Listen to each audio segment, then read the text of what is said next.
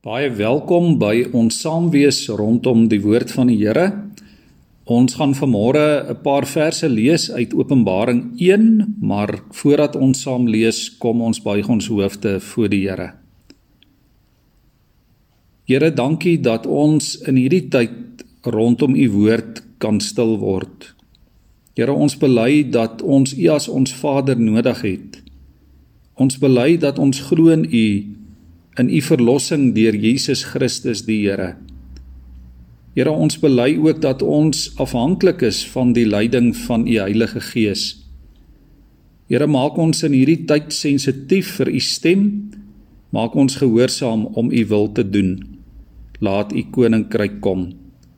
Amen. Kom ons lees vanmôre saam uit Openbaring 1 vanaf vers 1.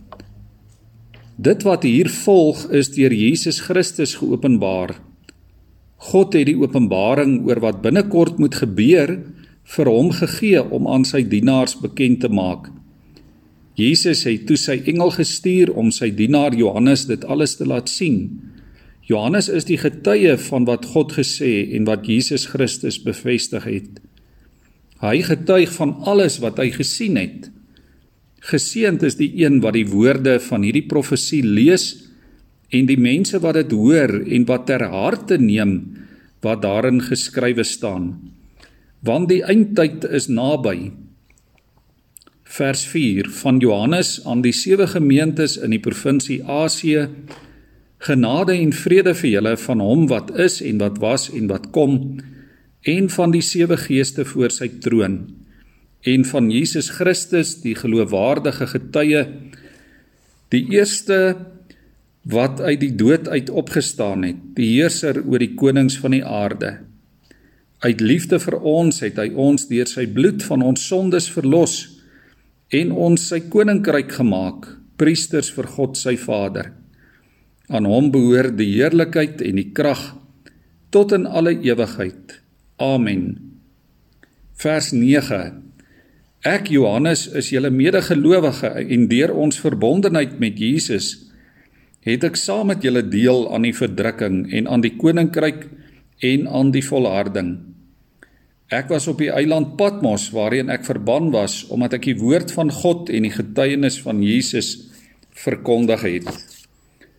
Op die dag van die Here is ek deur die Gees meegevoer En ek het agter my so hard soos die geluid van 'n trompet 'n stem gehoor sê: Skrywe dit wat jy sien in 'n boek op en stuur dit vir die sewe gemeentes: Efese, Smyrna, Pergamum, Thyatira, Sardes, Philadelphia en Laodicea.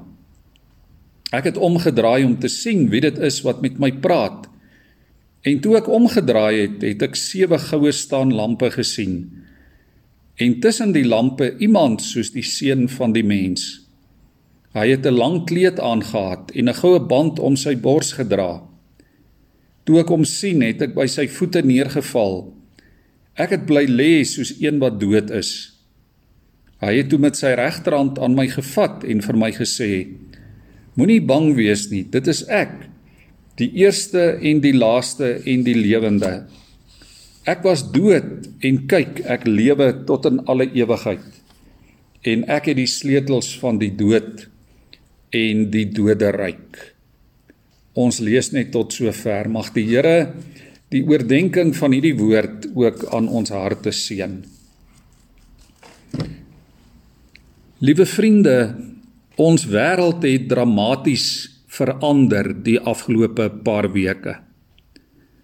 Wie sou kon droom dat ons mekaar iewester in 'n supermark van agter gesigmaskers en deur glasafskorting sou groet met 'n botteltjie handreiniger dalk as 'n ekstra troos in jou baadjie sak. Ons beleef mekaar se onsekere liggaamstaal. Ons sien die weifeling in mekaar se oë. Ons hoor dit in mekaar se stemme. Vir die meeste mense het 'n paar vierkante meter 'n nuwe lewensruimte geword. Daar is onsekerheid in ons wêreld. Dit raak elke lewensterrein. Dit raak die ekonomie, dit raak die politiek ons gesondheidstelsels, ons beweging, ons funksionering, selfs ook ons godsdiens en 'n manier hoe ons kerk is. Ook is daar geweldige implikasies op sosiaal-maatskaplike vlak. Mense is honger en dors, bekommerd en bang. Baie mense voel ook ons is letterlik en figuurlik gedoem tot maskers en afskortings. Liewe vriende, dit is hoe ons wêreld en ons dorpe en stede op die oomblik lyk. Dinge kan waarskynlik nooit weer dieselfde wees nie soos dit was nie. En die vraag wat baie mense vra is: Waar is God as die wêreld so lyk? Dit bring ons dan by die boek Openbaring. Nou, ons kan baie maklik voel dat Openbaring 'n vreemde boek is. Dat dit 'n boek is wat ons nie mooi weet hoe om te verstaan nie. En selfs die ou kerkvaders soos Luther en Zwingli en ander het nogal geworstel met hierdie baie interessante boek. Die eenvoudige antwoord is dat Openbaring 'n brief is wat geskryf is vir alle Christene van alle tye. Dat dit in hierdie besondere boek gaan oor Christus en die kerk. In werklikheid is Openbaring 'n brief van Christus aan die kerk en dit gaan in Openbaring oor die vraag Wat moet volgelinge van Jesus, wat moet gemeentes doen in hierdie moeilike en deurmekaar tye waarin ons leef? Johannes begin hierdie brief in die naam van die Vader, die Seun en die Heilige Gees. En hy groet die gemeentes en die gelowiges vir wie hy skryf in die naam van die Drie-enige God. Dis 'n tema wat dwarsdeur die hele Openbaring brief loop. Openbaring wil ons laat verstaan dat hierdie drie enige God groter en magtiger is as al die keisers, die konings, die maghebbers, die regerders van die hele wêreld. En hierdie God wil sy volgelinge, wil die kerk vir jou en vir my toerus in ons help in ons roeping in die wêreld. Aan die een kant praat Openbaring dus oor God en aan die ander kant oor die wêreld en oor ons lewe in die wêreld. In Johannes se tyd het mense geleef asof alles in die wêreld in orde is. Daar was sogenaamde vrede, maar dit was 'n brose vrede. In werklikheid was dit deurmekaar en droewige tye onder 'n dun nervie van sogenaamde vrede was daar chaos en onmenslikheid, onreg en elende. Christene is vervolg en veroordeel oor hulle geloof. En hier iewers in die middel van die boek beskryf Johannes ontstellende tonele in die natuur en in die skepping. Dis tonele wat getuig van 'n aarde wat ly en swaar kry. En daarom wil Openbaring ons help om nie vas te kyk in hierdie wêreld waarvan ons deel is nie. In hierdie wêreld waar dit baie maklik lyk asof dinge in orde is nie, want dis 'n vals werklikheid. Johannes wil hê ons moet dieper kyk, ons moet ontdek dat die wêreld glad nie so gesond is, dat dinge glad nie so in orde is soos wat ons dalk op die oog af mag dink nie. Liewe vriende, vandag is Christene volgelinge van Jesus of dan die kerk is vandag deel van die chaos en die ellende rondom ons. Ons leef in hierdie skepping. Ons leef op hierdie aarde. Die lyding rondom ons op die oomblik in hierdie wêreld tref gelowiges ook. Maar die Here kom gee sy versekering dat hy sy kerk bewaar. Ons kan weet dat die kerk deel is van die simboliese 144000 waarvan Openbaring praat en wat die Here styf in sy hand vashou. En daarom het ons hoop. Openbaring is vanmôre 'n boodskap van hoop vir God se kinders.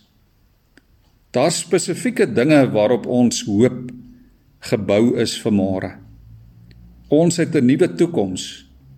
God is met ons op pad na 'n nuwe stad, na 'n nuwe lewe. En dit moet ons elke dag inspireer. Ook in die omstandighede wat ons op die oomblik beleef, moet dit ons inspireer vir die pad wat ons nog hier op aarde moet loop. Hier aan die begin van die brief in hierdie eerste paar verse hoor ons van sewe stede in Klein-Asië. Sewe stede wat daar ook sewe gemeentes was. In elke stad 'n gemeente van Christus volgelinge. En nou skryf Johannes hierdie brief namens Christus aan hierdie sewe stede en aan die sewe gemeentes oor hulle lewe en hulle werk in die stede waar hulle geleef en gebly het. Ten spyte van die chaos in die wêreld het God die stede en die gemeentes lief. Wil God juis vir die gelowiges hoop gee en moed gee om die evangelie uit te leef sodat mense gered kan word. Elke gemeente Christen gelowiges, jy en ek word draers van hoop vir elke stad waarvan ons deel is. Die Here het 'n duidelike plan, liewe gemeente, met sy volgelinge, met jou en met my. Die kerk is nou priesters in diens van God. Die Here wil deur ons by die stad en by die wêreld uitkom. Volgelinge van Christus is God se plan vir die wêreld. Die kerk en gemeentes is God se plan vir die wêreld. En die Here versorg sy kerk. Hy versorg sy gemeentes en sy volgelinge. Ons as Christene sukkel baie keer. Ons sukkel om ons plek in die wêreld reg te verstaan. Ons wonder baie keer oor ons roeping. En daarmee wil Openbaring ons help om te verstaan wie God is en wie ons is.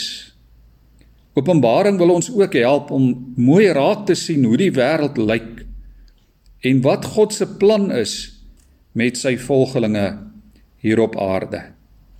En die heeltyd herinner Openbaring ons dat Jesus die bron is van ons hoop. Die Here Jesus staan tussen die sewe lampe. Hy is by sy gemeentes en hy is in die wêreld. Hy is in die stede waar hy sy gemeentes vir jou en vir my geplant het. Ja, die Here is teenwoordig ook agter en te midde van gesigmaskers en glasafskortings en handreinigers en menslike onsekerhede ook in en te midde van dit wat jy en ek beleef op 26 April 2020. Hoor dit vanmôre. Hierdie stad is God se stad. Hierdie dorp is God se dorp. Hierdie land is God se land. Hierdie wêreld is God se wêreld. Jou gemeente, ons gemeentes is God se gemeente. Nog steeds Liewe vriende, is dit syne. Hy is ons hoop. Al sukkel ons so maklik. Al is ons dikwels kragteloos in onsself. Al is ons lomp. Al struikel ons gereeld. Al maak ons so baie foute. Al het ons nie al die antwoorde nie. Ja, al kry ons dit dikwels so moeilik reg om lig in hierdie wêreld te wees. Die Here is by ons. Hy's tussen ons en saam met ons. Hy is self ons lig. Liewe gemeente, die Here gee nooit moed op met sy kerk nie. Hy gee nooit moed op met sy wêreld nie. Die kerk behoort aan hom. Hy duur daarvoor betaal. Hy het 'n plan met sy kerk in die wêreld. Jy's ook in hierdie tyd waarin ons nou lewe. Die geskiedenis is in God se hand. Die verlede is in God se hand, die hede en die toekoms Môre en oormôre is in God se hand. Ons onsekerhede oor die toekoms is in God se hand. Ons twyfel is in God se hand. Ons siektes is in God se hand. Hy hou sy kinders vas. Hoor dit vanmôre. Die God wat jy en ek ken en aanbid, kan nie ingeperk word nie. God is nie onder 'n lockdown nie. God is teenwoordig. Hy's besig soos altyd ook in en deur sy Christus volgelinge. Volgelinge van Jesus. Moenie moed verloor nie. God het julle lief. God verlos julle. Hy het julle sy koninkryk gemaak. Ja, God het 'n plan met jou. Na die hemelvaart is Jesus nie weg nie. Hy's tussen sy gemeentes. Hy's by ons. Hy, die geloofwaardige getuie, die eerste wat uit die dood opgestaan het, die heerser oor die konings van die aarde. Hy hou die sleutels in sy hand. Hy is die antwoord op al ons vrae. Ek wil graag die volgende gedeelte uit Openbaring 1 vir ons lees, maar dan uit die boodskap weergawe. Ons lees daar is baie dinge wat mense nie weet nie. Net God weet dit. Jesus Christus het egter die gordyn kom wegtrek sodat mense wat hom dien ook party van daardie goddelike dinge kan leer ken. Daarvan vertel hierdie brief. Gelukkig is almal wat hierdie goddelike woorde hoor en dit ernstig opneem. Want daar is nie meer baie tyd oor nie. Ek groet julle met die wens dat God vir julle alles sal gee wat julle nodig het of jy dit verdien of nie. Mag jy lewe van God se vrede oorloop. Dit is die God wat nou by ons is. Wat nog altyd daar was en ook in die toekoms saam met ons sal wees. Hy is die een by wie alles begin en waar alles ook eindig. Hy is te gelyk soos die A en die Z van die alfabet. Hy is nou by ons soos hy in die verlede by ons was. Hy stap ook saam met ons die toekoms tegemoet. Niemand of niks kan naasten by by hom kers vashou nie, want hy het mag en gesag oor alles. Toe ek hom sien, het ek so klein gevoel voor sy grootheid dat ek net daar voor hom neergesak het. So magteloos soos die kleinste wurmpie het ek voor hom bly lê. Hy kon met my maak wat hy wou. Maar toe voel ek sy regterhand op my en ek hoor hom met my praat. Moenie bang wees nie, sê hy. Ek was voor die skepping al daar en wanneer alles tot 'n einde kom, sal ek nog daar wees. Ek is die een wat leef, sê die Here. Maar ook lewe kan gee. Ek leef nie net nou nie, maar vir ewig en altyd. Ek het die sleutels wat die deur na die dood oop en toesluit. Liewe vriende, ek sluit vanmôre vir ons af. So 'n paar jaar gelede besoek 'n baie vooraanstaande ryk Kaapse sakeman besoek hy 'n groep graad 6 leerdlinge op die Kaapse vlakte. Daar voor hom sit 59 graad 6se. Wat kon hy sê of wat kon hy doen om hulle te inspireer? Die meeste van daardie kinders sou waarskynlik al voor graad 10 die skool verlaat. Die sakeman het gewonder, hoe kan hy hulle net so ver kry om vir hom te kyk? Toe skuif hy sy notas eenkant toe en hy besluit om sommer uit sy hart uit met hulle te praat. Bly in die skool, het hy hulle aangemoedig. Hou moed. Hou aan studeer en ek sal betaal vir elkeen van julle se naskoolse opleiding. Op daardie oomblik het al daardie kinders se lewens dramaties verander. Vir die eerste keer in hulle lewe het hulle hoop gehad.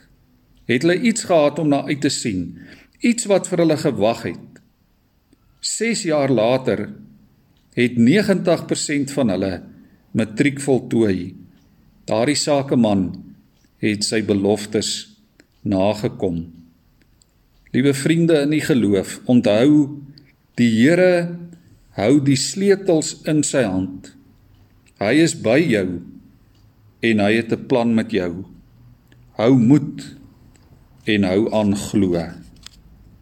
Amen. Ontvang ook nou die seën van die Here. Genade en vrede vir julle van hom die Alfa en die Omega, die Here God, die een wat is en wat was en wat kom, die Almagtige. Amen.